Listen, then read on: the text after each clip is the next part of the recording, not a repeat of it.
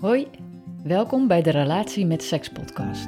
Ik ben Renske en in deze podcast ontrafelen we samen het mysterie van seks in relaties. Want god, wat is dat soms ingewikkeld.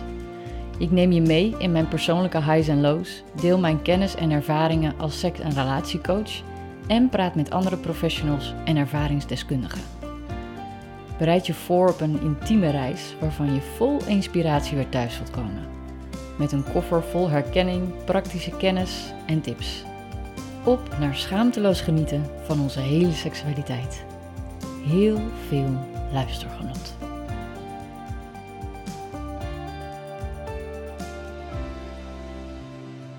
Nou, Daphne, welkom. Ja, Ja. dankjewel Renske. Heel leuk dat je, dat je ja zei op mijn uitnodiging. En leuk dat je gevraagd hebt. Ja, bijzonder. ja, ja fijn. Ik ehm, eh, ken jou eigenlijk in eerste instantie van eh, jullie podcast, eh, Piemels en Poesjes.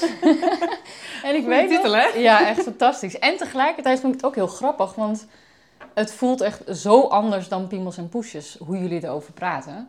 Dus ik vind het een hele bijzondere keuze voor de titel, omdat die ook gewoon eh, ja, het dubbel voelt of zo. Want het is helemaal niet zo plat. Nee, het is niet zo plat Nee. en het is een beetje in het kader van eh, don't take yourself too serious. Ja, ja, precies. Ja, die voel Hè? je wel. En ik denk dat we Ja. met heel veel eh, liefde ehm, en ook wel eh, diepgaand praten over deze onderwerpen. Ehm, maar we hebben ook superveel lol. Ja. Ik heb een, Ja, vriendje, met wie ik de podcast Samen. heb. Ja, ja. Dat is heel leuk. En toen ik het voor het eerst hoorde, toen voelde ik echt een soort van... ah, een soort van herkenning eh, van hoe wij ermee omgaan. En ook een, een, een erkenning van eh, hoe we de, hè, de groei die, waar we nog in zitten. En, en waar we voelen van, oh, zo willen we ermee omgaan. En, eh, en om dat ook dan zo te horen, hoe dat dan bij jullie loopt. Dus het, ja, ik vond het echt super fijn. Dus dat was al een tijdje dat ik jullie daar volgde. En toen kwam ik je ook nog ehm, tegen vanuit een medestudent, collega van mij, die Oh, bij ja? jou de IPT-opleiding ging doen. Aha, Ja, want jij bent natuurlijk eh, eh, nou, bedrijfsleider, of hoe noem je jezelf? Ehm, directeur, denk Ja. ik. Ja, samen met, een, met mijn compagnon Mariette Frits hebben wij een, eh, een centrum opgericht, het Dana Centrum in Zeist. En binnen dat centrum geven we holistische geboortezorg, hè, de, waarbij de, de focus ligt op aandacht en tijd en kleinschalige zorg op maat. Eh, maar we ook integral pelvic therapy ehm, integreren in de zorg die we geven. En Ja. dat is een behandelmodaliteit voor mensen in het bekken. ja, en super breed dus. Heel breed, klopt. Ja. Ehm, en die ehm, behandelmodaliteit, dus IPT hè, Mhm. afgekort, daar geven we een opleiding in. Ja. En eh, dat doen we allemaal in Zeist. Ja, en dat was denk ik ook een hele bijzondere combi die ik daar dan zag. Omdat dus eh, iemand die ik dan ken, die dezelfde opleiding heeft gedaan als eh sekscoach, zeg maar. Ja. en die dan dit ging doen. bij een, een centrum wat dan hè, ook over bevallen gaat. En dat ik dacht, oh ja, daar zit natuurlijk ook zoveel overlap met alles wat daar gebeurt. Dus nou, vind ik ook superleuk om nog over te hebben. Het komt ongetwijfeld aan bod. Eh, is er nog iets eh, hoe jij jezelf zou willen voorstellen? Nou, ik denk dat ik het al wel een beetje Ja. gezegd heb. eh, qua professioneel leven dan. Je mag ook... Moet je iets weten over mijn persoonlijk leven? Nee, dat weet ik allemaal al van de Piemels en Poesjes podcast. Mijn hele seksleven staat online. Dat is redelijk grappig. Soms Ja. heb ik ook wel eens dat mensen zeggen... Ja, want dat zei je in de podcast. Oh. En dan denk ik, oh mijn Oh. god. Zei ik dat? Ja, is dat lastig? Nee, ik vind dat niet zo lastig. Ik heb daar eigenlijk eh, niet zoveel schaamte op. Eh, ik heb het er ook over met mijn kinderen. Ik ben Ja. ook moeder. Ik Ja. heb eh, drie zoons van 22, 19 en 13. Ja. Ehm, en die zijn er in die zin wisselend over. Die luisteren het ook niet, Nee. want die hebben zoiets van, nou, dat hoeven we niet te weten. ja. Maar ze vinden het wel heel mooi, de openheid die erover is. Mooi. Ehm, en zij zijn zelf heel ja, rijp, vind ik wel, in hun Hmm. seksuele ontwikkeling. En met name als het gaat over verbinden en respect. Ja. Ja. ja, en je hebt daar nooit zelf de ingewikkelde dingen in, in gehad met opvoeding? Of dat je dacht van, oh, dit kan ik niet zeggen op de podcast. Want stel dat vriendjes van het luisteren of... Nou, eigenlijk niet. Ik ben er helemaal niet mee bezig. En eh, wat ik merk, eh, ik denk je krijgt wat je aantrekt. Mm. Hè? Dus wat je uitstraalt. En eh, ik heb bijvoorbeeld twee paarden en dan kom ik op de stal. En daar is dan iemand en die zegt me met rode oren: Ik heb jouw podcast geluisterd. wat leuk. Ehm, en vervolgens heb ik dus een heel kwetsbaar en Hmm. intiem gesprek over grenzen, grensoverschrijdend gedrag. Eh, en dingen die ze zelf hebben meegemaakt. Dus Nou. het opent juist Ja. ook een heel veld waar je het normaal gezien niet over Ja, hebt. ja, dat mensen zich eigenlijk uitgenodigd voelen om erover te praten. Ja, Ja, dat heb ik ook op het schoolplein wel. Dat er mensen toch iets meer durven te gaan vertellen Ja. of te delen. Dat je denkt, wow, dit gesprek had ik anders echt nooit gehad. nee, en ik denk wat jij zegt, de opluchting die je voelt van, oh, hier zijn Hmm. mensen die erover praten zonder schaamte, gêne, Ja. waarbij het heel open is. Ja, dat hebben heel veel mensen. Ja. Alleen we doen het heel vaak niet. Ja. Helaas. Vandaag wel. Vandaag wel. Want dit is dan de Relatie met Seks podcast. Die gooi ik er dan altijd in van, wat is jouw relatie met seks? Ja, Ja, ik heb een geweldige relatie met seks. Ja?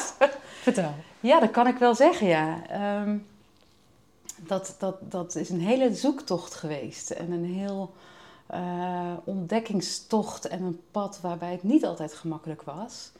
Eh, ik heb ook een hele slechte relatie met seks gehad. Hmm. Jarenlang dat ik niet wilde vrijen en niet kon verbinden. En ook dacht, het ligt aan mij. Ja. Ik ben een slechte vrouw. Ik heb pijn. Ik vind het niet lekker. Ik wil het niet. En was dat dan iets wat al wat zich ontwikkelde, dat je daar zeg maar eh, dat dat ontstond, of is het altijd was dat ook aan het begin van je relatie? Van die Dat is relatie? vaak iets wat zich ontwikkelde, maar ik heb me nog nooit vanaf het begin af aan echt heel vrij gevoeld, Hmm. moet ik zeggen. Eh, dus dat is altijd wel een, een punt geweest van schaamte Ja. en eh, teruggetrokkenheid. Ja. Ehm, en ja, ik denk ook gewoon echt wel ervaringen in de maatschappij opgedaan die toch tekenend zijn. Hmm. Hè, en, en het is niet zo dat ik hele heftige grensoverschrijdende dingen heb meegemaakt. Nee. Zou je kunnen zeggen, terwijl als ik de verhalen dan vertel, denk ik, het is eigenlijk best wel heel erg. Hmm. Maar het wordt zo genormaliseerd, Ja. hè, toch eh, door buurtjongens vastgehouden worden en betast, Mm. bijvoorbeeld. Ja. Eh, ja, een baas van een restaurant die de deuren op slot doet Zo. en eh, je binnen wil houden en aan je wil zitten. Een man in het zwembad die je vasthoudt en eh, je lijf eh, als klein meisje over zijn geslacht wrijft. Weet je, dat zijn toch allemaal Nou, imprints. dat klinkt wel best wel heftig, ja. Ja, terwijl ik het dan niet als zo heftig heb ervaren per se, maar ik denk wel een imprint heeft gegeven in ehm, er klopt iets niet Mhm. als het gaat over seks. Ja. En ik kan daar niet al te vrij in zijn. Ja, Ja. want dan geef je een verkeerd idee. Ja. En hoe, is die rij, hoe, is, hoe was dat dan in je relatie? Hoe, waar liep je dan tegenaan? Dat je... Ik ben 19 jaar getrouwd geweest met een man en daarin hadden we ook vrij veel eh, problemen in dat huwelijk aan zich en dat uitte zich ook in de slaapkamer. Hmm. Er was heel veel liefde enerzijds en anderzijds ook heel veel gedoe. Hmm. Hè, het was echt, eh, ja, in die zin moeilijk om elkaar te, ja, stabiel te blijven vinden. Dat zie je wel vaker, hè? van die tegenpolen die elkaar ontzettend aantrekken, waardoor er heel veel polariteit is. Eh, maar in de basis ook best wel wat onveiligheid. Dus dat heeft niet geholpen in Hmm. mijn gevoel van...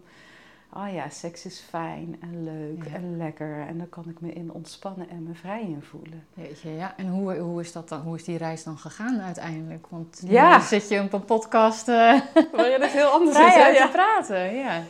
Nou, in mijn huwelijk, ik, ik heb ook kinderen gekregen natuurlijk. Dat hielp op een gegeven moment ook niet, moet ik Mhm. zeggen. Oké. Ehm, en toen hadden we zo'n punt bereikt dat we zeiden van... Ja, er moet iets gebeuren, want zo willen we niet oud Ja. worden. En toen zijn we twee dingen gaan doen. We zijn naar relatietherapie gegaan. Dat was heel goed, denk ik, voor de veilige basis. Ja? En vervolgens zijn we aan tantra gaan doen. En dat was Mm. ook heel goed. Oh, wauw. Ehm, en, en voor mij was dat heel goed. Mijn toenmalige partner vond dat wat ingewikkelder. En dat zie je vaker, hè? dat die vrouwen die gaan dan helemaal los. ja, ik denk dat vrouwen toch, en dat is heel erg generaliserend Ja. en heel erg gendergebonden wat ik nu zeg. En dat hoeft natuurlijk helemaal niet zo te zijn, maar vaak wat meer fluïde zijn en wat eh, losser of zo. Eh, in ieder geval was dat bij ons wel zo. En eh, mijn toenmalige partner, ja, die was gewoon wat. Die vond het allemaal wat ingewikkelder. Dat vertragen en verbinden. Mm. Ja, dat werd spannend. Dat werd spannend. ehm, ja, ook confronterend, denk ik. En dat was ook in de relatie heel confronterend. We hebben toen ook een open relatie gehad. Ja. Ja, en ik ging helemaal los. Ik vond het superleuk. En hij had gewoon wat meer moeite. Maar had je dan in één keer, want je, je kwam natuurlijk vanuit eh, nooit echt heel erg open gevoeld en het, en, en het werd eigenlijk steeds minder eh, open, eh, in, of schaamteloos of, of kunnen genieten. En toen ging je tantra doen. En was dat dan in één keer dat je dacht, oeh, Nee, dat, dat is ook een weg Ja. geweest natuurlijk. Hè. Daar hebben we heel veel workshops en trainingen in gevolgd. Eh, wat voor mij heel erg heeft geholpen is toch ook het lichaamswerk. Dat heb ik daar leren Ja. ontdekken. En dat bracht me heel dicht bij mijn eigen kern. En zeker het intieme lichaamswerk.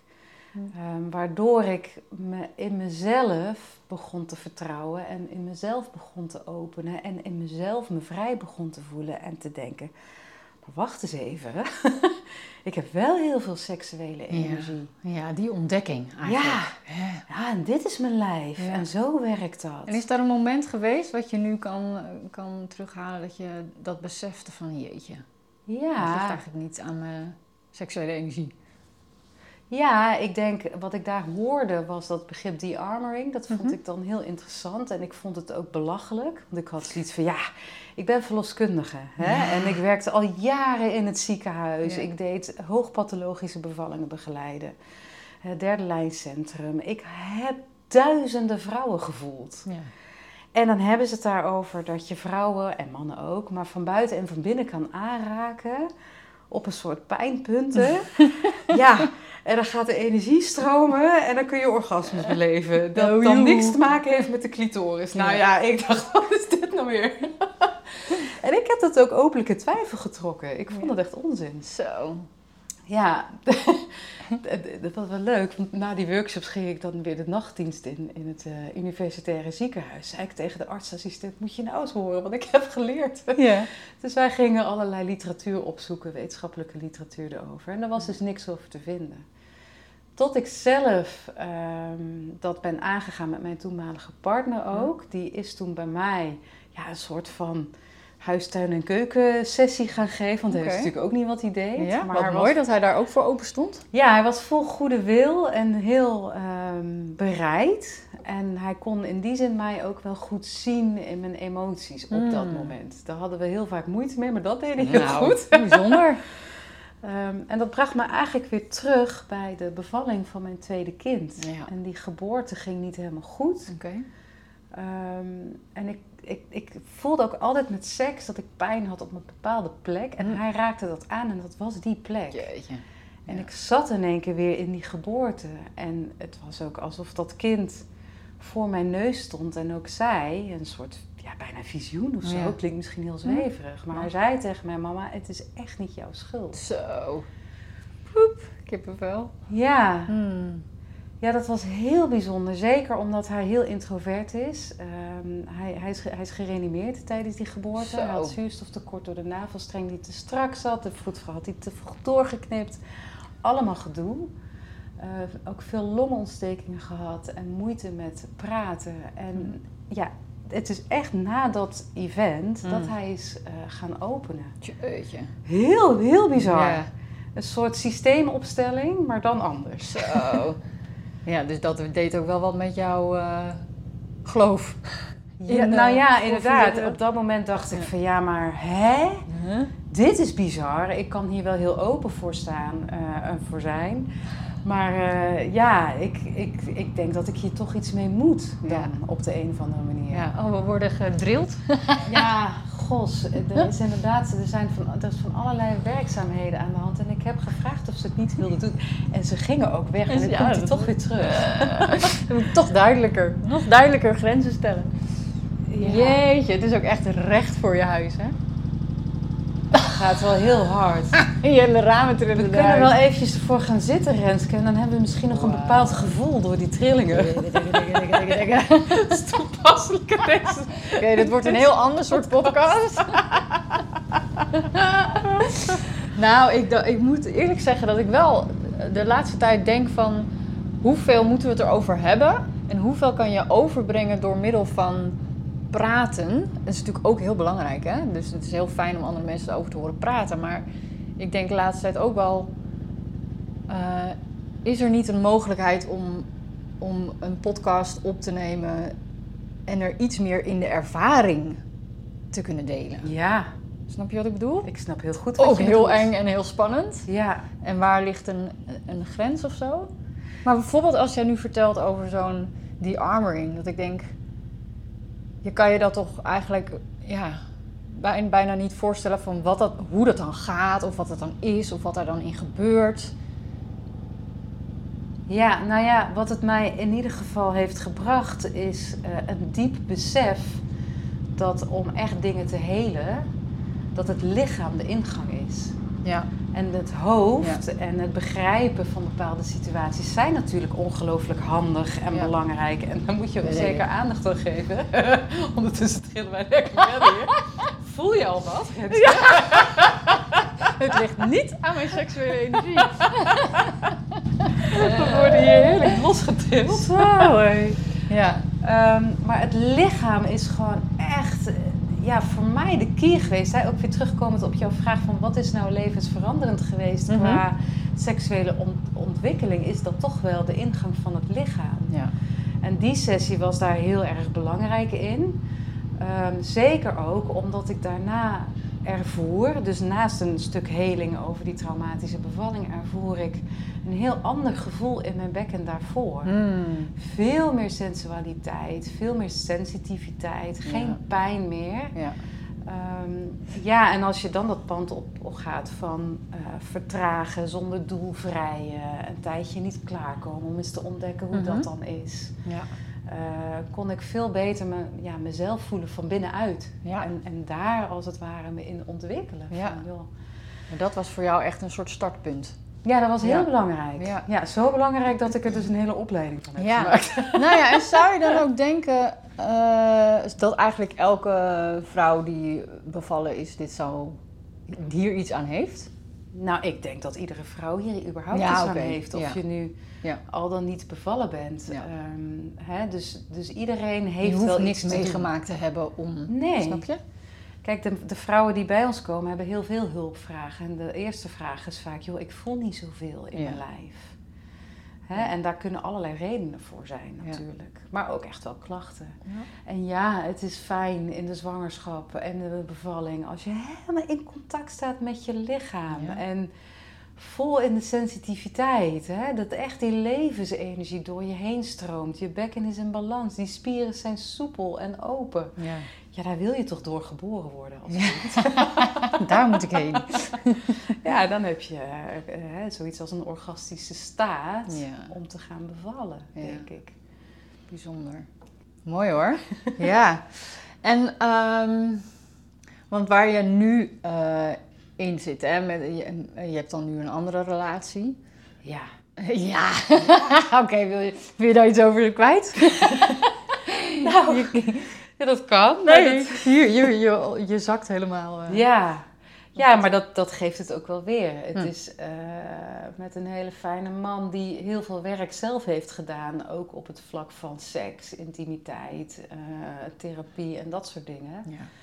Eh, ja, zo fijn, zo veilig. Ja. Ik kan me daarin zo openen. Ja. Eh, en dat is denk ik heel belangrijk, dat Ja. die voorwaarden, dat dat goed zitten. Ja. Ja. En als je dan. eh, kijk, een relatie kan natuurlijk om zoveel redenen wel of niet werken. Maar als je kijkt naar een, een langere relatie waarin dat inderdaad zo op, op is gebouwd. en dat je eigenlijk allebei uit een soort van onervaren en een beetje vastzitten. Wat is, is voor jou dat je denkt, nou, als ik daar een, een tip over mag geven, wat eh, het geheim is voor eh, fijne seks in een langere relatie opbouwen, leren openen, zeg maar? Moet ik er dan één geven? Ah, Nee, ja. helemaal. De, de enige die alles oplost graag. Dat zou mooi zijn, hè? Die voor jou eh, nu even zo omhoog springt. Nou, kijk, ik denk wat het allerbelangrijkste is. Ik werk ook veel met koppels rondom intimiteitsvraagstukken die Mhm. bij me komen.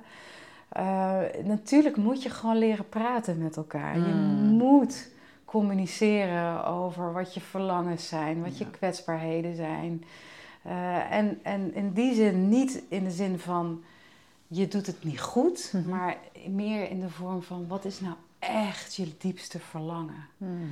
En ik merk dat veel, eh, en dat zit toch meer in, bij, bij vrouwen over het algemeen, kunnen eh, soms wel goed aangeven: ja, maar dat wil ik niet. Mhm. Eh, en dan vraag ik me wel eens af van ja, maar wat is hetgene wat je dan wel wil? Ja. En heel vaak haakt de ander daarop aan. Ja. Want dan ga je niet iemand ehm, ja, bijna berispen op eh, je wil te veel, je bent Mhm. te veel doelgericht, je komt te snel. Weet Mm, ik ja, wat. allemaal negatieve dingen. Ja, maar als je kan uitspreken van oh, ik heb zo'n verlangen om echt met jou, Ja. weet ik veel wat te Ja. doen. Oh! Ja, dat, Ja. ik denk dat dat een hele mooie eerste stap is. Ja. Eh, en een bepaalde nieuwsgierigheid blijven houden naar Ja. elkaar. Oké, maar wat wint jou nou op? Wat is Ja. nou echt voor jou datgene waar je op aangaat? ja, en dan moet je natuurlijk echt goed kunnen voelen en durven, durven voelen van wat wil je? Ja, zeker. En begrip hebben voor het feit dat de ander een andere opwindingsstijl Mm, heeft dan jij. Hè, ben je iemand die aangaat op een fijne context? Of is het vooral visueel? Ben je spontaan of responsief, zoals dat dan heet? Ja. Ik denk dat daar heel veel onbegrip eh, in zit tussen eh, koppels en, en langdurige Ja. relaties vooral. Dat je helemaal langs elkaar heen gaat eigenlijk. Nou ja, kijk, als die, veel mannen zijn natuurlijk heel eh, spontaan opgewonden. Dus die zien iets, iets lekkers voorbij komen hè, en die hebben zin in seks. Ja. En heel veel vrouwen is de context veel belangrijker. Ja.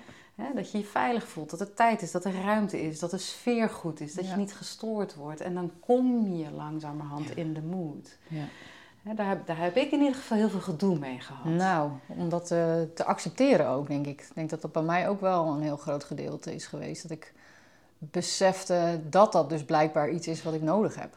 Waar ik ja. dus dat van mezelf eigenlijk afwees van ja, wat een onzin. Ik, moet, ik ben stuk, want ik ga niet in één keer van 0 naar 100. Precies, waarom ben ik Oh. nou niet geil Ja. als hij me bespringt? Dat moet toch? dat vind ik alvast niet leuk genoeg. Hoe kan dat nou? Ja. Nee, inderdaad. Ja, dus ik denk het begrip daarin, dat dat al heel veel gedoe uit de weg eh, Ja. ruimt. Ja.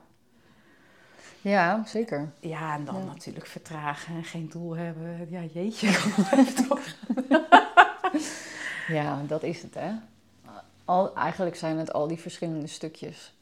Ja, in die zin is seks zo'n veelomvattend iets. Op het moment dat iemand met een intimiteitsvraagstuk Ja. bij je komt, kan je niet zeggen: Oh, maar als je dit Mm. fixt, dan is het probleem opgelost. Nee, maar dat vind ik denk ik ook zo interessant aan al die verschillende mensen die ik spreek. Want iedereen heeft natuurlijk ergens een ingang gehad die voor diegene goed werkte. Ja, Ehm, en ze zijn allemaal waar. Ja. En er zit ook absoluut een ge- gemene deler in. Maar het is wel mooi om, om, om ieders reis gewoon als perfecte reis eigenlijk te... en wat is de gemene deler dan? Ehm, ik denk dat de gemene deler het, het voelen is. Dus het echt kunnen voelen van... eh, ja, wat is mijn verlangen überhaupt? Ja. Ehm, wat werkt voor mij? En ehm, ja, ik denk dat eigenlijk. Ja. Want als je dat niet kan voelen, of, of niet durft te voelen doordat er allemaal laagjes overheen zitten, Ja. en dat is natuurlijk waarom je het vaak niet kan voelen, dan kan je het ook niet communiceren, dan kan je het niet ja. delen, dan kan je het niet vergroten samen, dan kan je gewoon helemaal niks. Nou ja, ik denk dat een hele grote valkuil is. Dat is toch een stukje performance vaak. Ja. Dat zie ik zowel bij mannen als bij vrouwen of eh, in andere relaties natuurlijk. Ja. Eh, dat is niet gendergebonden, maar dat je... Oh, ik moet nu heel opgewonden zijn, want hij doet zo zijn best. Ja. Hè, dan krijg je alweer die consentstukken van... Goh, ben je nou eh, allebei... voor wie is de aanraking? Dat is zo'n groot vraagstuk Ja. vaak. Hè, ben ik nou diegene eh, iets aan het doen omdat ik dat zelf leuk vind? Of Ja. ben ik iets aan het nemen van de ander? Precies, of dan moet je probeer ik iets te bereiken? moet je alweer heel goed kunnen voelen bij jezelf van waarom doe ik dit eigenlijk? Waarom doe je dit? Ja. En dat is echt zo'n eh, valkuil ook. En er zitten zoveel schaduwstukken in, eh, vind ik. Daar heb je zoveel bewustzijn voor nodig de hele tijd. Ja, dat klopt. Eh, en eh, een bepaald verwachting bijstellen. Hè? Want je, je vroeg van wat is jouw relatie met seks nu? Ehm, en die is heel ontspannen, juist omdat ik voor het eerst in mijn leven in een dynamiek zit met een, met een man, waarbij er niets van mij verwacht wordt. Hmm. En juist dat gegeven maakt dat ik eh, in staat ben om echt diep bij mezelf, bij mijn eigen seksualiteit te komen. Bij mijn eigen gevoelens van opwinding en lust en verlangen. Uh, omdat ik nooit bezig ben met iemand anders te af, af te remmen, bijvoorbeeld. Of uh, te denken, oh, als ik dit doe, dan wil die alweer. ja, ja. De, de, de seks die ik nu heb is heel erg um, ja, open en spontaan. Ik bedoel, het een leidt niet per definitie tot de ander. Nee. nee. He, dus ik kan een hele innige zoenpartij hebben en dat was het dan. Dan hoeft er niet geneukt te worden. En hoe komt dat, denk je, dat jullie daar niet in komen? Omdat we uh, allebei al zoveel werk hebben Ja. verricht hierin. Ja. En uh, mijn, uh, mijn vriend nu hoeft ook niks van mij te halen, Nee. wat dat betreft. Nee, hij heeft ook zelf allemaal eh Dat is heel clean. Ja. Ja. Eh, en, en zijn verlangens heeft hij allemaal voor een heel groot deel, natuurlijk niet alles.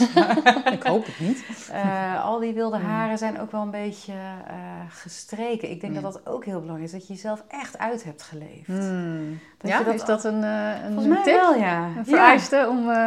Nou nee, geen, geen vereiste, je maar dat? Kijk, eh, op het moment dat jij nog heel erg vol zit in je systeem, in je lijf, met oh, maar ik moet een keer ervaren. met drie mannen seks Mhm. hebben gehad. Mhm. En ik moet een keer dit en ik moet een keer dat. Dan ben je daar nog heel erg mee bezig. Mhm.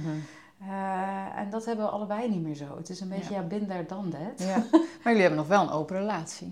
Ja, hoewel dat ook met periodes gaat. Ja. Hè? Op dit moment heb ik gevraagd om dat even te sluiten. Omdat Mm. ik eh, ja, met wat vraagstukken zit. Met wat dingen uit het verleden die best wel kwetsbaar voor me zijn. En veel eh, onveiligheidsdingen raken. Vanuit een open relatie bedoel je? Of? Nee, alleen op het moment dat ik in die open relatie zit, dan schuurt dat heel erg. Dan wordt dat aangeraakt. Dan wordt dat aangeraakt. Dat zijn hele oude, diepe kindstukken waar ik weer in terecht kom. Eh, op het moment dat hij gaat daten met een andere vrouw, dan word ik daarmee geconfronteerd. En dat doet zo'n zeer. Ja. Hmm. Heb ik daar zoveel verdriet van dat ik denk, ja, en in hoeverre is dat dan nu dienend Ja, voor de Ja, relatie? maar dat is zo mooi dat je dat kan daar bewustzijn op hebt. Dat je voelt, oké, dit, dit werkt nu niet. Het levert nu eigenlijk minder op dan dat het kost. Zeg Ja. maar. ja, Ja, precies. En dat is dan ook helemaal fijn en goed. ja. Hè, dus dat is ook heel fijn. Ja. Ik kan me voorstellen als daar nog heel veel hitsigheid op zou Mhm. zitten van de ander, dat dat echt een groot probleem is. ja. ja. Ehm, ja, dan zit je niet op hetzelfde, de, dezelfde, dan heb je niet dezelfde behoeften, zeg maar. Nee, en, dan, en, en nu is het dus heel prettig omdat er ook de tijd en de ruimte is om die vraagstukken, Ja. om daarin te gaan. En dat vind ik wel het mooie van zo'n open relatie, want het is die uitdaging, geeft het dat wel. Ja. Ik word ermee geconfronteerd met die stukken, dus ik kan die stukken aangaan. Hmm. Ik kan daarmee aan het werk gaan. Ja. Dus eigenlijk dankzij wat er getriggerd werd in de open relatie, dat je kan zien, oh ja, hier mag ik nog iets mee. Ja, Ja. zeker. En hoe fijn is het dan als je dat kan doen met iemand die zegt, ja, maar ik blijf toch wel. Ja, Hè? We gaan het samen aankijken en dat hoef je niet alleen te doen. Ja, dat is heel, heel, heel Supermooi. waardevol. Ja. ja. Mooi hoor. Ja, ik zit te denken of ik, ja, ik zit te denken of ik nog iets over, maar misschien hebben we het al over gehad eigenlijk. Of, of ik nog iets over die open relatie wil vragen in de zin van, wat draagt dat bij aan, aan de intimiteit in de relatie zelf? Nu zit je zelf natuurlijk, hè, gaat open dicht. Ja, wat, wat is überhaupt een open relatie? Natuurlijk ook al een interessante vraag, maar... Ja, Is daar iets wat daar in jou, eh, voor jou omhoog komt? Dat je zegt, dit is wel echt de waarde van, voor jou, van een open relatie? nou, ja, ik ben zelf, als ik alleen maar over mezelf spreek, een ontzettende flirt. en ik hou er heel erg Ja. van. Ehm, om niet beperkt te worden in een bepaald gevoel van, eh, van strakheid, van de stramien. Mhm. Ik vind het nu heel fijn dat het gesloten is, maar ik zeg ook wel tegen, tegen een vriendje van Jezus, als ik nou eraan denk dat ik tot mijn tachtigste helemaal met niemand meer zou mogen Ja. Of dat deel van mijzelf niet zou mogen eh, laten zien, dan, zou, dan krijg ik daar een heel benauwd gevoel van. Ja. Ja. En dat, is, dat heeft meer te maken met een stukje speelsheid en lol. En is dat dan iets wat is, is dan iets wat is ontstaan, wat je hebt ontdekt nadat je, want in je eerste relatie had je dat Nee, niet. dat klopt. Ja. Nee, en, en daarin was ik ook wel een enorme flirt. Alleen, dat was gewoon een monogame relatie, dus Ja. dat deed je niet. Ik ben toen ook een keer ontzettend verliefd geworden op een andere man. Oh ja. En ik denk dat dat heel erg gevoed werd, omdat ik daar niks mee kon doen. Mm. Hè, Ja. Dus dan hadden we een vriendschapsrelatie, maar jeetje, dat was echt heel moeilijk. Het onbereikbare. Heel onbereikbaar, waardoor het alleen maar groter werd. Mm. Ehm, en, en er ook romantische gevoelens bij kwamen. Ja. En die romantische gevoelens, dat kan ik me nooit voorstellen dat ik dat nog voor iemand anders heb dan Mm. degene waarmee ik nu mijn intieme relatie heb. En was dan ook een soort van projectie. Dat denk ik wel, Ja. ja. Ehm, dus dat, dat draagt het zeker wel bij, ja. Ja. Ja, en, en, en voor mijn vriend nu is dat heel anders. Die, ja, die is ook intimiteitscoach. Die vindt het allemaal zo waanzinnig. Dat is een- zijn passie. Dus dat is dan weer zijn stuk, waardoor hij dat heel fijn vindt om dat te delen met andere mensen. Ja. Om in die open relatie te kunnen hebben. Ja, je? zeker. Ja. Niet zozeer omdat dat iets doet in de intimiteit tussen hem en mij, maar Mhm. dit is gewoon een stuk, ja, hij vindt het Gewoon interessant. fascinerend. Gewoon interessant. nou ja, ik vergelijk het wel eens hoe hij erover praat als hij vertelt over zijn connectie met een andere vrouw. En dan denk ik van ja, het lijkt alsof je bij een bevalling bent, joh. Oh ja. Het heeft zoveel overeenkomsten, Hmm. want daarom ben ik ook aan het zoeken en aan het kijken en aan het puzzelen van ja, maar wat heb jij nu nodig om nog dieper te kunnen zakken Ja. in veiligheid, in de ontspanning, om je nog dieper te kunnen openen. En, dat is precies wat hij ook doet. En dat is precies Ja. hetzelfde wat hij ook doet. dat is wel echt heel mooi. Ja, dat is Ja. echt heel bijzonder. Dus ergens hebben we een beetje hetzelfde beroep zijn. Ja, ja. Nou ja, en het is dan dus een, een, ehm, een beroep en tegelijkertijd is het dan ook privé. ja, het is heel privé natuurlijk. Ja. Ja. ja. Als, als je het in een open relatie zeg maar zet, is het iets anders dan dat je bij een bevalling Dat bent. Klopt, hoewel ik de sfeer van intimiteit wel heel vergelijkbaar vind. Op wat voor manier? Een bevalling is zo intiem. Het is zo kwetsbaar en zo rauw en puur. Ja.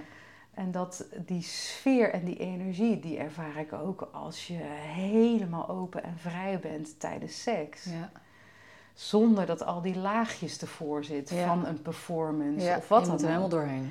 Ja, Ja. dus, dus hè, op het moment dat ik echt diep in verbinding ben, dan ben ik ook aan het, aan het krijsen en schreeuwen en huilen en Ja. brommen. En, hè, en, en, en daar worden stukken van verdriet aangeraakt en pijn. En, maar ook van extase en bliss Ja. en puur geluk. En heb je het nu over seks of heb je het nu over de bevalling? Nou, dat is dus de- de- hetzelfde. ja, precies. Ja, zo Ja. ervaar ik dat wel, ja. Ja. Het, is, het is zo dichtbij. En zeker ook bij zo'n bevalling, weet je. Je reist gewoon een stukje mee in, in, in iemands intieme leven. Ik, ik Ja. voel me zo nederig om daarbij te zijn. Ja, het is wel bijzonder, want dat is natuurlijk niet iets wat je dan al in jaren opbouwt. Dus het is echt gewoon, eh, ja, je ziet elkaar vast wel eh, een paar keer, maar het is bijna een one-night stand, zeg maar, wat je... Nou ja, ja, dat proberen wij natuurlijk anders te doen Ja. in de praktijk en de zorg die we geven. Door Ja. wel van tevoren al die intimiteit op te bouwen met Ja. elkaar. Eh, omdat ik denk dat dat echt heel belangrijk is. Je kan je alleen maar openen als je je echt veilig voelt. Dat geldt voor seks en dat geldt voor bevallen ook. Dus ik zeg dat ook vaak tegen koppels. Zeg ik, ja, je moet eigenlijk bevallen in een kamer met de personen erbij waarmee je ook zou kunnen vrijen. ja.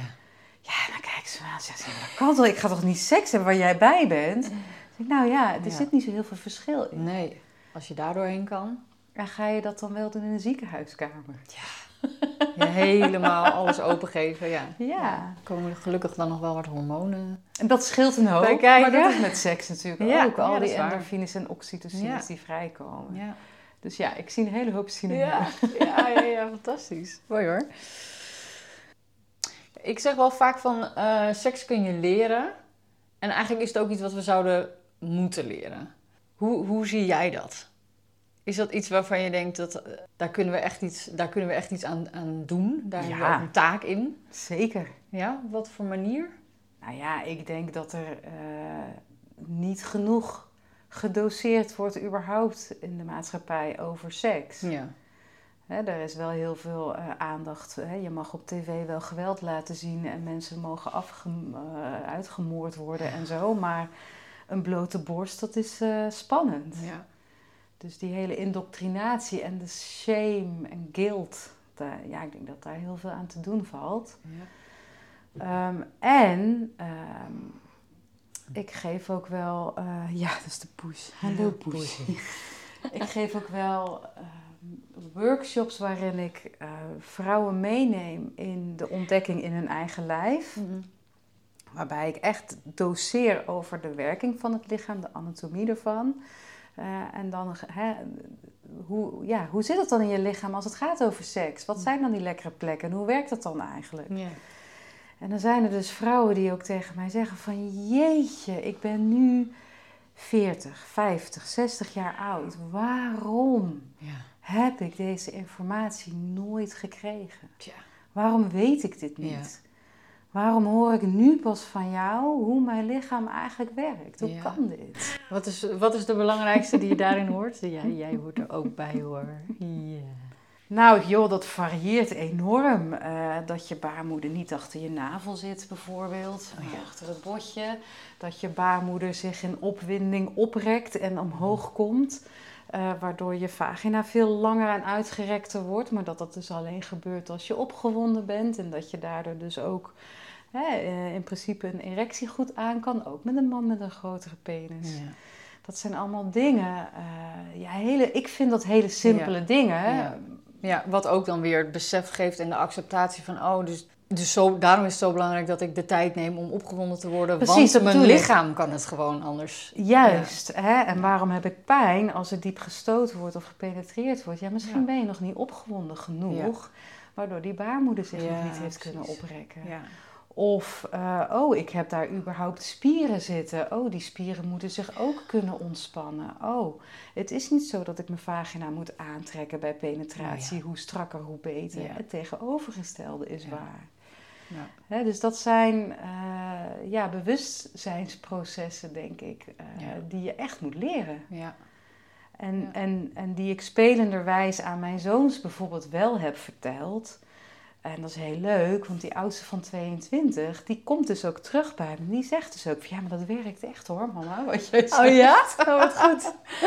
Hè, dus die is zich Dat hij dat dan doorgeeft. Ja, die is zich daarvan Ja. bewust. Van, oh, ik moet even stilhouden bij de ingang van de vagina van Ja. een vrouw... voordat ik haar echt ga penetreren. Het werkt echt. Ja, oh, dat werkt. Fantastisch. Oh, dan gaat ze alleen maar meer verlangen. Hoe Ja. makkelijk kan het zijn, hè? Dus ik denk wel degelijk dat je dat soort dingen heel goed kan leren aan mensen. Ja. Eh, en de een die zal wat gevoeliger zijn eh, dan de ander. Ja. Eh, maar de voorwaarde is natuurlijk ook de wil om te leren. ja. En dan kom je toch vaak ook weer bij ego-stukjes uit. Hè? Als je niet wil leren. Nou ja, of oh, eh, ik eh vrij niet goed of niet goed Mm. genoeg. Of eh, Ja. hoezo ga jij me dat dan vertellen? Hè? Ja. Gewoon Ja. trots. Ja, dus dat is dan weer de communicatie eigenlijk. Ja. En het veilig voelen om met elkaar daarover te kunnen hebben eigenlijk. Nou ja, precies. Ja. Dus ja, seks kan je leren. Dat kan zeker. Ja. ik wel En dat moeten we dus ook leren met z'n allen. Ja. Dat moeten we leren. Ja. En ik denk dat het heel belangrijk is op de scholen. Ehm, ja, dat is wel leuk. Mijn oudste twee heb ik eh, beide gezegd toen ik hun lessen over seksuele voorlichting zag. Ja, ik, nou, ik trok bijna de haren uit mijn kop van frustratie. Ik Oh, dacht, wat is dit sumier? En ja, jammer. ja. Zal ik komen voor een gastles Ja. over seks? Nee, nee, mama, mag Niet echt niet. Ik wil je daar niet zien. Oké. En mijn jongste is heel anders daarin. Die eh, Ah. had zoiets van, ja mama, kom maar gewoon. Ga het ze maar leren. Die is Wat cool. wat dat betreft wat vrijer, denk En heb ik. je dat gedaan? Nou, nog niet. ik ga eens kijken of ze dat willen. Ja. Eh, want ik denk dat het zoveel waarde heeft als iemand ze gewoon dit soort simpele dingen vertelt. Ja. Hele andere, hele andere educatie dan. Nou ja, Hele- precies. Heel Ja. ander beeld. Wat je En daar begint het natuurlijk wel. Ja. Bij, de, bij de middelbare school, denk ik. Niet bij die banaan. De banaan die je omrolt om een courgette of een, of een condoom. Nee, een condoom Ja, om een banaan. hè? Ja, dat Ja. was het. Die, die heb ik wel gehad, ja. Heb je die gehad? Ja, zeker. Volgens mij hadden wij een bezemsteel. Nog, nog rechter. Nog rechter, ja. Jezus, en dunner ook. Meestal. ja. Apart, joh. Past niet eens, ja. Jeetje. Ja, ja, het is treurig. Wat zou onze relatie met seks moeten zijn? Ik vind het zelf heel fijn ehm, als ik in een ruimte ben waar iedereen heel open en vrij is. En waar mensen vrijen of niet, maar dat er in ieder geval geen gedoe over is. Ja. dus heel veel openheid en heel veel vrijheid. Hmm. Ik heb ooit eens gelezen, en dat heb ik later nog geprobeerd te vinden, kon niet vinden dat er ergens een of andere cultuur bestaat waarin ouders vrijen, waar de kinderen bij zijn, waar ze het zien. En dat in die cultuur verkrachting eigenlijk niet voorkomt. Oh ja, Latijns-Amerika komt bij mij ook omhoog. Nou, ik heb dat inderdaad ook ergens gelezen. Ja, ik heb dat dus. Ik ben, ik heb echt een aantal uur gespendeerd om dat oh te vinden. Dus ik heb ook een, uh, een, in Amsterdam een, uh, een buurmeisje gehad. Dat was dan een vriendinnetje van mijn, uh, van mijn dochter. En die was acht of zo toen, denk ik. Ik weet niet precies. Maar die, die vertelde zo een beetje tussen neus en lippen door van... Nou ja, dan ga ik slapen, maar dan gaat hij boven op mijn moeder liggen. En nou, dan kan ik nog even niet slapen hoor, want dan gebeurt daar van alles of zo. Dat ik ook dacht, oké, oké. Wat is dit? Ja, dat is anders. Uh, vind, wat vind ik daarvan? Oh, ja, uh, waarom ook niet? Zij heeft op zich...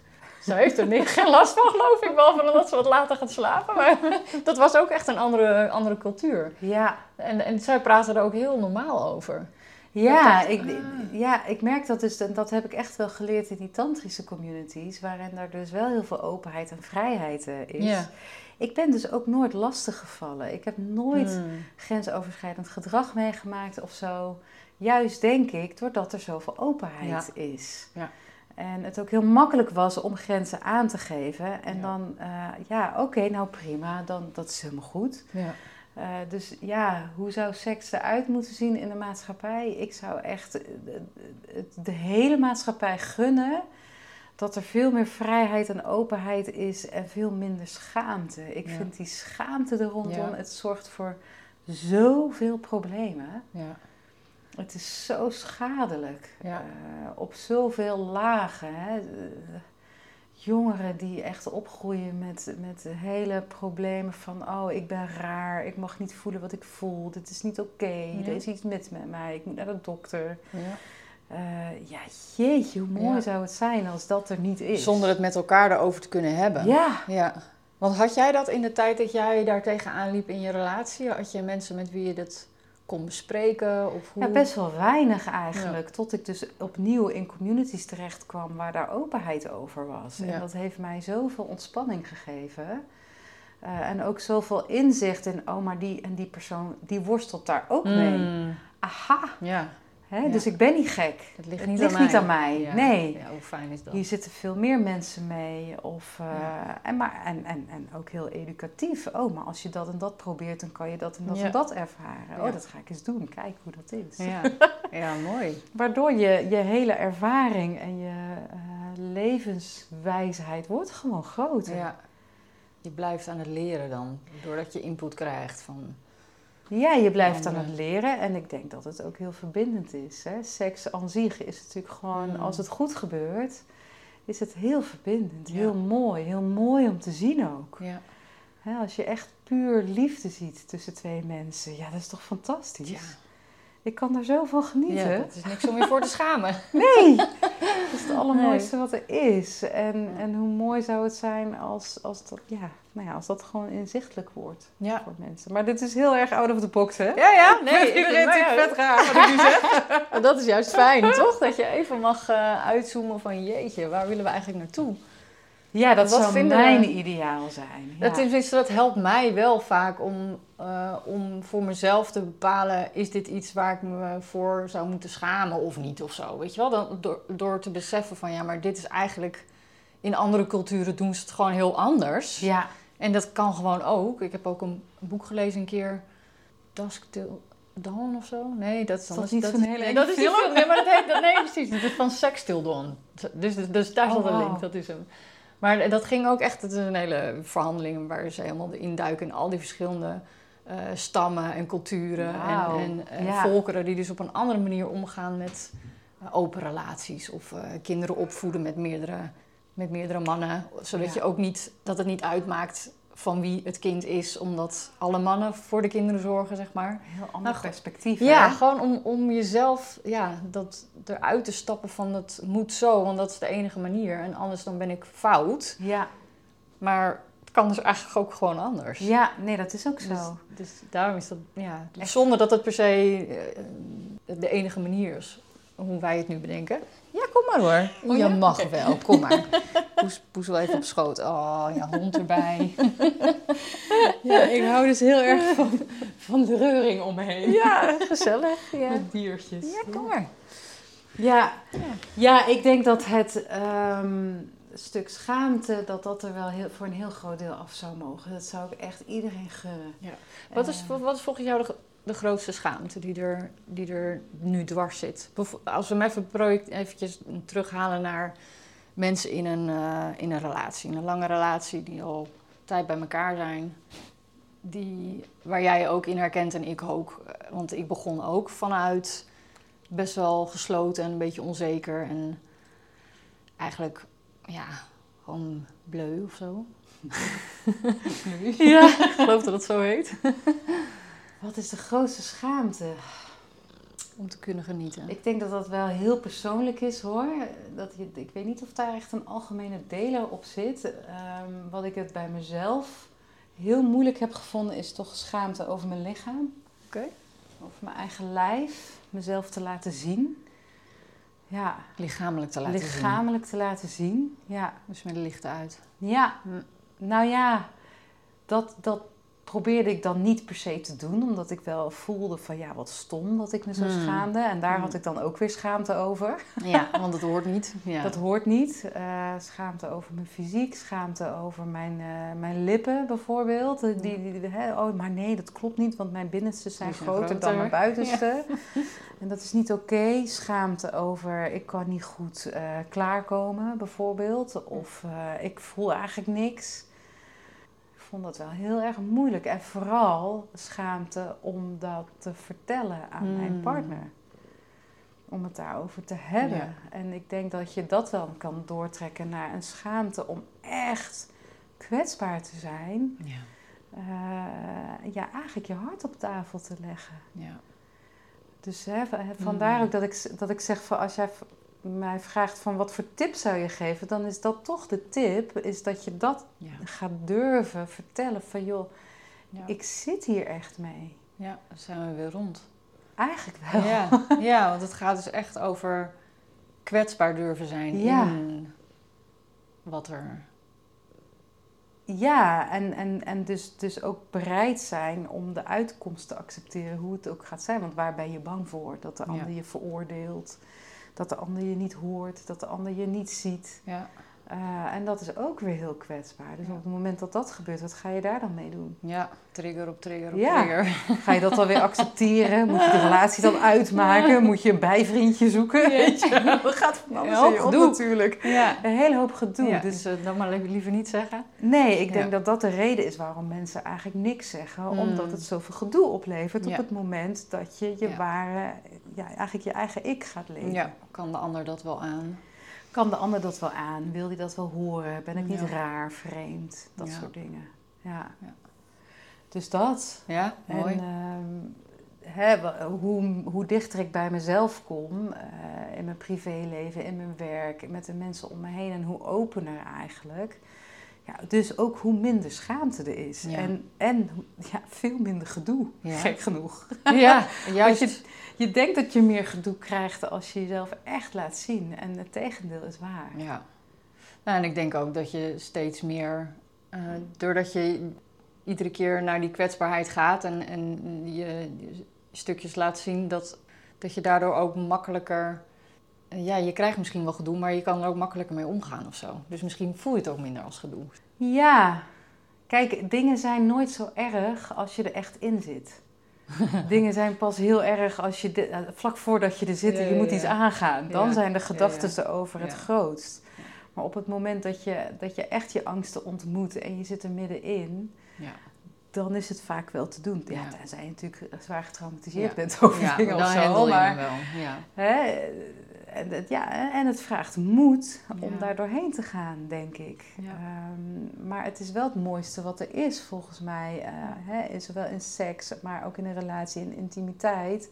Om die stukken te zien bij elkaar en echt heel erg open te zijn. Om vervolgens ja, toch weer beter eruit te komen Ja, samen. dat is wat het doet natuurlijk. Waardoor je Ja. echt ook weer een laag dieper kan zakken. Ja. Hè, dat, dat, dat merk ik nu wel in de relatie die ik nu heb. Dus iedere keer is er weer...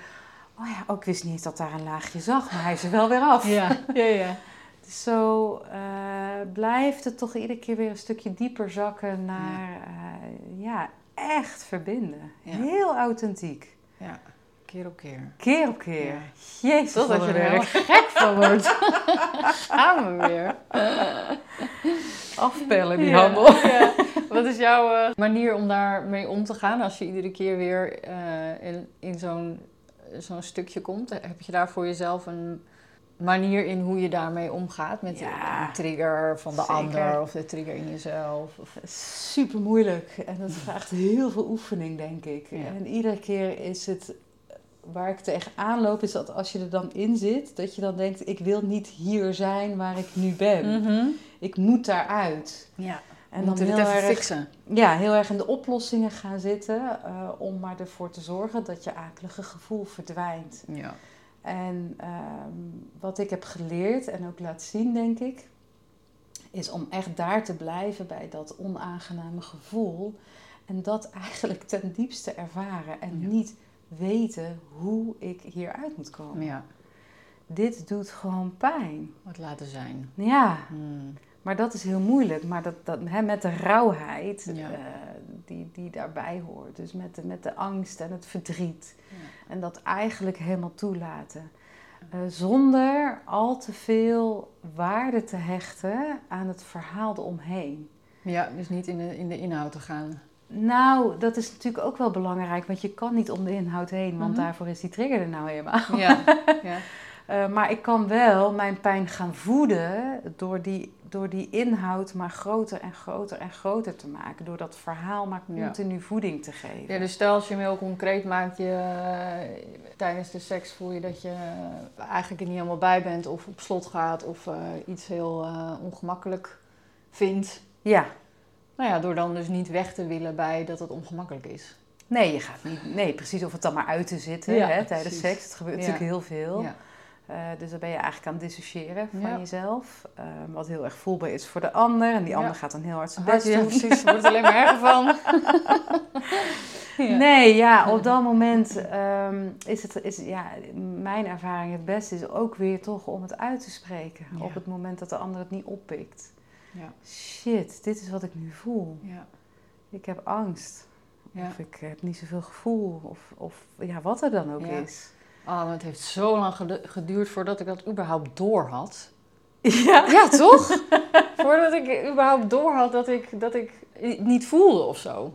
Weet je wel, ik zat dan denk ik zo in mijn hoofd van dit is niet oké en ik moet meer voelen en het ligt aan mij en waarom lukt het nou niet? Ja, Dat ik helemaal niet bewust van was dat Ja. ik het kon uitspreken. ja, ik noem dat ook wel eens het hoofd op pootjes. Ja, ja echt hè? Dus dat dat hele lichaam Ja. eigenlijk niet meer meedoet en je daar geen contact mee hebt. Ja. Ja, maar dat is dus een bewustzijnsproces, Ja, denk ik, enorm. die heel belangrijk is. Ja, En voor mij is lichaamswerk heel belangrijk om daar wel een contact mee te hebben, in welke vorm dan ook. ja. ja en Ja, dat maar- kost tijd. En kost tijd, ja. En daarbij blijven en ten volle ervaren wat je ervaart. In dat gevoel blijven, dat uitspreken. Ja. Eh, en daarin uitspreken als je met de ander bent, wat, is, wat je nodig hebt, wat je verlangen is. Ja. Kun je en- vasthouden. Dat je elkaar daar eigenlijk heel mooi in kan helpen ook. Als je dat van elkaar weet en je hebt dat gesprek gehad, dat je dan weet van oh, als ik daarin zit en je merkt dat, Ja, hè, dan, zou je, dan zou het mij helpen als je eh, daarna vraagt of eh, een arm om heen slaat. Of, ja. ja. Ja. Of zelf uitspreekt van, goh, kun je me even vasthouden? Ja. Of eh, mag ik tegen je aanleggen? Ik wil even niks zeggen, ik voel dit en dat. Ja. Ik zit vast, ik weet het niet meer. Ja. Ja. Hè, en, en, en, en daar gewoon echt helemaal in kunnen vertrouwen. Want de tijd is daarin heel mooi. zo'n gevoel, zo'n naar gevoel Mm. blijft niet hangen. Nee. Tenzij er steeds weer opnieuw in Precies. het verhaal gaat. Inderdaad, op het moment dat je het voeding Ja. blijft geven, kan Ja. het dagen, weken duren. Hè? Ja, Eh, en dat is dus heel destructief. Maar als je echt alleen maar blijft bij datgene wat jij voelt in je lichaam. eh, en daar ruimte aan geeft, op Ja. welke manier dan ook. Dan kan er een release zijn, of je kan erover praten, of wat dan ook. Maar dan gaat het dus voorbij. Dat is het goede nieuws. Ja, het gaat allemaal weer voorbij. Ja, en dat is het beter. geeft wel een soort van geruststelling, denk ik. Waardoor je dus wel weer door dat proces heen kan. kan. Nou ja, en dat het iedere keer ook wel weer eh, je verder brengt of zo. Het is ook niet dat het voor, voor niks is of zo. Dat Nee. heb ik, kon ik ook wel eens denken, weet je, jezus, daar gaan we weer. Maar het is toch iedere keer dat je het sneller herkent of sneller uitkomt. Er, het is wel anders. Dat is anders. En ehm, ja, ik ben er ook van overtuigd dat je eh, situaties of ervaringen kan herschrijven op een manier die wel helend zijn. Dat je echt kan helen. Ja. Hè, als je getriggerd wordt door een bepaalde situatie, eh, ja, daar kan je echt wat mee. Ja. Dat kan je oplossen, Ja. Ja. Hmm. ja. denk ik. Nee, dat Vind jij. is jouw belichaamde ervaring. Ja, nou ja, maar dat is het dus wel. Als je dat lijf gebruikt als de ingang, Ja. eh, dat lichaam is zo wijs. Ja. En het houdt je voor het lapje. Ja, dat is echt shit. Het geeft je heel vaak ge- signalen van gevaar, terwijl er Mm. op dat moment niet daadwerkelijk gevaar is. Ja. Maar het gevaar afstamt van iets Ja. heel prehistorisch Ja. bijvoorbeeld, eh, angst voor een tijger of zo. Eh, of vanuit je, vanuit je jeugd. En dat is heel vervelend. Maar op het moment dat je dat kan gaan zien en dan die imprints van toen kan overschrijven met een nieuwe ervaring in het nu, Ja. ja, dan ben je met heling bezig. Ja. Dat is wat ik ermee bedoel. Van Ja. je lijf houdt je ook voor het lapje. Ja, ja, ja. Maar maakt het wel heel reëel in het moment, in het hier en nu. Hè? precies. En daar, da- daarmee kan je hem ook gebruiken. Ja, daar kun je het zeker gebruiken. Ja. ik kan nog heel lang Dus seks door. is ook therapie. Ja, enorm. ja, zeker. Het is Ja, en daar heerst een mooie- groot taboe op. Dat het therapie is? Ja, Oké. ja vind Wat ik is wel. het ja. Nou ja, het mag sowieso niet worden ingezet, seks Mm. als therapie. Terwijl ik denk eh, dat, dat dat, ja, ergens, hè, als je het hebt over taboes in de maatschappij, de, de wereld, hoe mooi zou die kunnen zijn als je sekswerkers hebt die eh, therapeutisch werken. Ja. Ja. het is natuurlijk Ja. een slippery slope, maar Ja, en ik voel hem wel, ja. ik denk eh, dat daar in wezen heel veel heling plaats zou kunnen vinden. Ja, ja omdat, eh, omdat er in de seksualiteit gewoon, omdat dat zo diep gaat. Omdat, Omdat het het zo zulke intiem rauwe is. stukken... Ja, en omdat er zoveel trauma op zit. Ja. Omdat er zoveel eh, mis in gaat. Ja. Hè, en als je, eh, heel vaak wordt dat natuurlijk geheeld in een intieme relatie, bijvoorbeeld, kan dat. Eh, maar ja, dat, dat hoeft misschien niet. Nee, ook nog. En niet voor iedereen. Iedereen En niet voor iedereen. relatie. Ja. Precies. Ja. Maar ook als je in een intieme relatie zit waarin je geen idee hebt hoe je dat moet doen. Of allebei vastzit. Ja. Dan is dat natuurlijk ook heel ingewikkeld. Nou, een hele goede vriend van mij is eh Tantrisch Gigolo bijvoorbeeld. Mm. En we hebben daar echt prachtige gesprekken over. En, en, en hij, als hij deelt over hoe hij omgaat met Mm. vrouwen die ja, angstig zijn, bijvoorbeeld. eh, die, Eigenlijk hebben die gewoon echt een hulpvraag. Ja. Maar dat is niet waarmee ze komen, of wel? Ja, soms wel. Dat ze ook zeggen van, joh, ik, eh, ik, ik, ik, ik heb zo verlangen om weer eh, een keer seks te kunnen ervaren zonder dat ik bang ben. bijvoorbeeld. Ja. Of dat ik eens een keertje echt helemaal vast word gehouden door een veilige man of Mhm. een lieve man. Hè? En, en, en hoe hij daar dan over praat en hoe hij daar ruimte aan geeft. En ik luister naar hem en denk ik, ja, je bent gewoon een therapeut. Ja. Maar zo mag je het niet noemen natuurlijk. Nee, maar dat Daar is zit wel een wat taboe doet. op. Ja. ja. Ik vind dat heel bijzonder. Ja. Eigenlijk, ja. Op een bepaalde manier ehm, bijna heilig werk of zo. Mhm. Klinkt heel hoogdravend dit, maar zo zie ik dat het. wel. Ja, mooi hoor. Heel mooi. Ik zou hem wel eens willen spreken. Dat kan. Als ik jou zo hoor. Ja, hoor. Ja. Ja, kan je zo zijn gegevens geven. Ja, super gaaf. Is er nog iets ehm, wat jij wil delen? Waar we het nog niet eh, over gehad hebben, waarvan je voelt... oeh, Geen idee, joh. het hoeft niet, maar... eh, Ik vind het wel heel leuk om te praten over seks. Ja. Wat vind je er zo leuk aan? Het is altijd verrassend. En altijd nieuw. En het, het heeft heel veel raakvlakken met mensen als je het erover hebt. En Mhm. iedereen heeft zijn eigen smaakje of Ja, zo. ja, precies.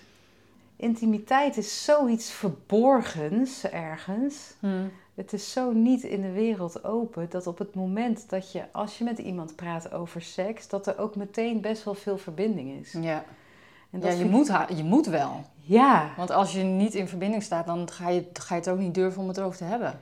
Nee, dat vind ik dus heel interessant. Ja, dat is heel leuk, ja. En je leert de ander Ja. eigenlijk vrij snel op best wel een hele kwetsbare manier kennen. Ja. En ik denk dat ik echt wel een, eh, een zakker ben voor kwetsbaarheid. nou, misschien niet per se voor kwetsbaarheid, maar wel voor authenticiteit. Ja, dat is dat het. is eigenlijk wat er omhoog komt bij iemand. Het maakt mensen heel Echt. authentiek en echt. En dat vind ik leuk. De echtheid van mensen, de puurheid van mensen. Ja. Dat vind ik heel fascinerend. Dus Ja. daarom ga ik over, graag over seks. Ja, mooi. Is er nog iets wat jij mij wil vragen dan? Wat voor seks heb jij dan? Wat voor seks? Eh, heel verschillend. Ja, en dat is echt, het is zo eh, divers. Seks? Ik bedoel, waar hebben we het eigenlijk over? Wat is het? En ik denk dat dat, dat dat ook heel fascinerend maakt. Ik denk dat we voorheen, ik ben al eh, 23 jaar bij, eh, bij Kees. En ik denk dat wij voorheen eh, één soort seks hadden, zeg maar. Omdat we niet anders wisten. Maar doordat wij ook eh, naar, nou ja, in de tantra zijn gaan verdiepen en dingen zijn gaan uitproberen, dat daar een soort van wereld open ging waarvan ik dacht: oh, maar dit, dit, dit hoort niet, of dit kan niet, of dit mag niet. En, en al, door alles dat er allemaal af te halen en die schaamte eraf te halen, dat ik ineens besefte dat het misschien wel allemaal mag of kan, of in ieder geval uitgeprobeerd mag worden. Dus voor mijn gevoel was er maar één soort normale seks of zo. Weet je, een soort, een soort. Ja, het moet wel heel liefdevol en het moet wel vooral heel eh, eh, respectvol. En, maar daardoor was echt alle polariteit of wat. Ja, dat wa- dat was er eigenlijk gewoon niet. Oh ja. Omdat we zo aan het afstemmen waren op elkaar dat het maar binnen ieders grenzen moest zijn. dat er eigenlijk gewoon helemaal niks gebeurde. Snap je? Oh ja, ik kan me helemaal voorstellen. Ja. Ja, je, je bent 18 en eh, Ja. gewoon niet heel. eh, Ja, het is niet heel geil, hè? Nee, nee, dat ging niet vanzelf. Ja. Nee.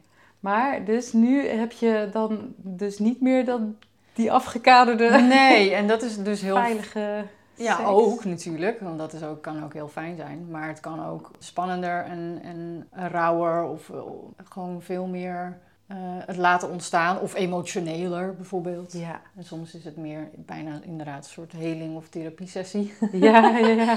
En soms is het gewoon heel fijn en, en, en geile seks. En soms is het heel liefdevol en... Ja. Maar het klinkt ook een beetje als ik jouw verhaal hoor, en dat herken ik wel in mezelf, ehm, dat je ook je seksualiteit en je seksuele energie bent gaan ownen. Dat, je daar, dat je daar ownership Mm. op over hebt genomen. Van, oh ja, ik voel dit, ik ervaar dit en het mag gewoon. Ja, precies. Ik Ja. mag daarin Godzijdank. staan. Ik mag aantrekkelijk zijn. Ja. Ik mag die energie voelen. Ik mag daarmee spelen. Ja. Die vrijheid. ja, dat is het, ja. Ik denk ook dat dat heel aantrekkelijk is. Een stuk aantrekkelijker, denk ik. Oh, ja, toch? Dat mag je hem vragen, maar... nou, maar dat is dus het hele grappige. Als je het over open relatie hebt of, of je daar vrij in gaat voelen. Dat hij soms ook wel eens zegt, het kan heel ingewikkeld zijn van... Hè, qua jaloezie of... ehm, het, is- het gaat niet vanzelf of zo. Dat je, tenminste voor ons niet. Het is niet een natural ding dat wij met andere mensen afspreken. Maar, maar we voelen wel dat het ons heel veel oplevert. Maar wat ik wilde zeggen is dat, dat, het, dat hij ook op een gegeven moment zei: Ja, eh, nee, ik vind het misschien niet makkelijk als jij ehm, heel erg met iemand anders geniet. Maar ja, dan, dan vraagt hij zich ook af: van ja, is, wat is dan wat ik wil? Wil ik dan een, een vrouw die zich seksueel maar een beetje sluit? Eh, en, maar, en dan er voor mij is? Of wil ik nou een hele vrijgevochten seksuele vrouw? Weet je wel, wat wil ik nou eigenlijk? Ja, die vol in de energie staat Ja. en dat deelt. Ja, En dat ik is- snap het. Ja, het, is het een of het ander. Ik bedoel, er Nou zit ja. heus- nee, maar je snapt wat ik bedoel. Er zit heus je. wel een tussen. Ja. Maar je kan niet verwachten eh, je kan niet het een verwachten en het ander uh, buit, buitensluiten. Ja. Snap je? ja, zeker. Ja. Ja. En hoe is, dat, hoe is dat voor jou? In welk opzicht? Nou, dat je die eh, balans tussen er voor elkaar zijn en er voor anderen zijn. Nou, wat ik heel mooi vind aan, aan, aan, aan Yves, aan mijn vriend, is dat hij daar zelf heel erg van geniet als ik Hmm. geniet met andere mensen. Ja. Eh, dat maakt dat ik me heel vrij voel daarin. Dat is heel bijzonder. ja. Vind ik ook wel eens ingewikkeld, zeker nu op dit moment, omdat ik me nu eh, wat kwetsbaarder en Mm. onzekerder voel in dat stuk. Ik dan denk, oh jeetje, doe ik hem dan niks tekort of Mm. zo. Ehm, Ja. hè, dus, dus, maar hij is daar, ja, hij geniet er echt van. Ja. Ik vind dat fantastisch hoe, ik denk dat hij, dat hij daar ook voor een heel groot deel op is gevallen. ehm, op die energie juist, die ik kan hebben. ja, dus als je hem andersom Dat zet, voor, dan, dan vind je het lastiger als hij met iemand anders afspreekt.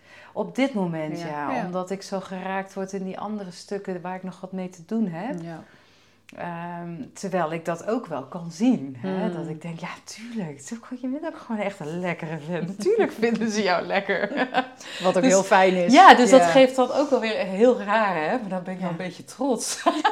op hem. Ja, Tuurlijk. Ja. Of, of, of hè, als die dan Hmm. iemand zo'n ervaring geeft waar zij dan heel blij mee is, dat ik dan denk van ja, maar natuurlijk, want dat kan je ook. En dat brengt ook een bepaald soort vervulling. Op het Hmm. moment dat ik niet met mijn eigen angsten word geconfronteerd, is dat stuk er ook. Ja. ja, precies. Eh, en dat is heel mooi, Ja. denk ik. Dus een beetje heen en weer gaan tussen je eigen angsten en... Dat is het. Nou ja, tussen je jonge kindstuk en de volwassen vrouw. Ja. En die, eh, ja, de, de een moet de ander omarmen. Nou, eigenlijk al moeten ze elkaar omarmen, Ah. denk ik. ze mogen hand in hand. Ja, mooi. Ja. Ik kan er dus ook heel erg van genieten, nogmaals, om in een ruimte te zijn waar dat heel vrij is tussen mensen Ja. en elkaar. En dan zie ik een andere vrouw helemaal vol in de sensualiteit. En weet je wel, die dat dan echt helemaal zo, helemaal kan ademen gewoon. Dat, dat ze geniet Ja. Van zichzelf, van haar lichaam. En dat vind ik dan zo mooi om te zien. ja. Nou, en ook heel eh, waardevol, denk ik, voor anderen om te zien. Ja, denk heel, het ook. eh, Puur, hè? Ja, en openend ook. Als je ergens in zit waarin dat moeilijk is. En ik zie, denk een van de belangrijkste momenten voor mij in mijn reis is ook wel geweest om andere vrouwen te zien genieten. Dat ik dacht, oh, het kan gewoon wel. Wauw. het ja? mag gewoon. Weet je, Ja. zij doet het ook. Ja. Oh, wat Dus- mooi dat je dat Ja. zegt. Ja, Ja, dan, dan denk je van, oh, maar zij kan het, dus ik kan mijzelf dit ook ja Jezus, dit mogen we gewoon doen. geven en Ja. ownen hè, daarin. Ja. Wauw, ja. Ja, Gaaf. Ja. Ja, hè? Ja, nou. Ik, eh, waar kunnen mensen jou nog vinden? Wil, wil je daar nog iets over vertellen? En waar wil je dat mensen jou voor vinden?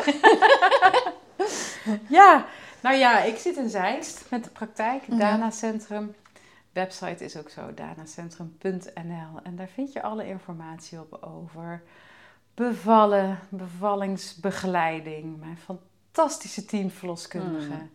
Eh, maar ook dus voor de IPT. Ehm, we zijn echt, we proberen heel erg het gat te slaan tussen de reguliere zorg en de Ja. complementaire zorg. Ja.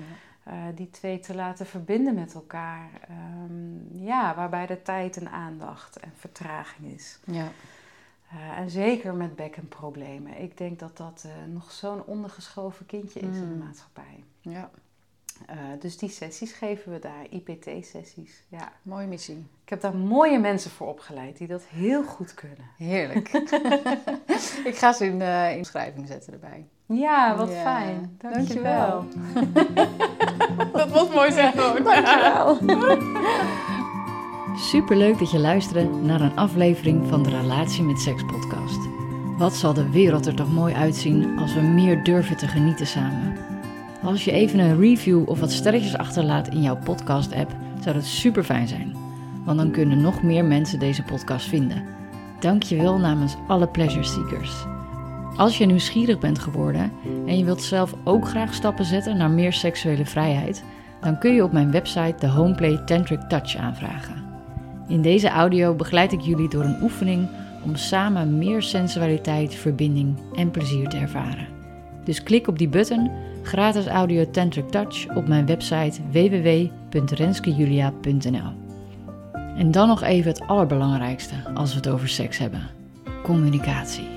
Ik wil heel graag weten hoe het met jou gaat, wat je ervan vond, of het iets in beweging heeft gezet. Het mag uit die verdomhoek, dus laat van je horen. Stel je vragen, deel je ervaring, stuur me een berichtje. En helemaal leuk als je een bepaalde vraag of onderwerp hebt waar je graag meer over zou willen horen. Laat maar weten. Vergeet niet op abonneren te tikken als je geen aflevering wilt missen. En nogmaals super bedankt voor het luisteren. Dat jij op dit pad bent. En tot de volgende keer. Veel liefs, lef en genot.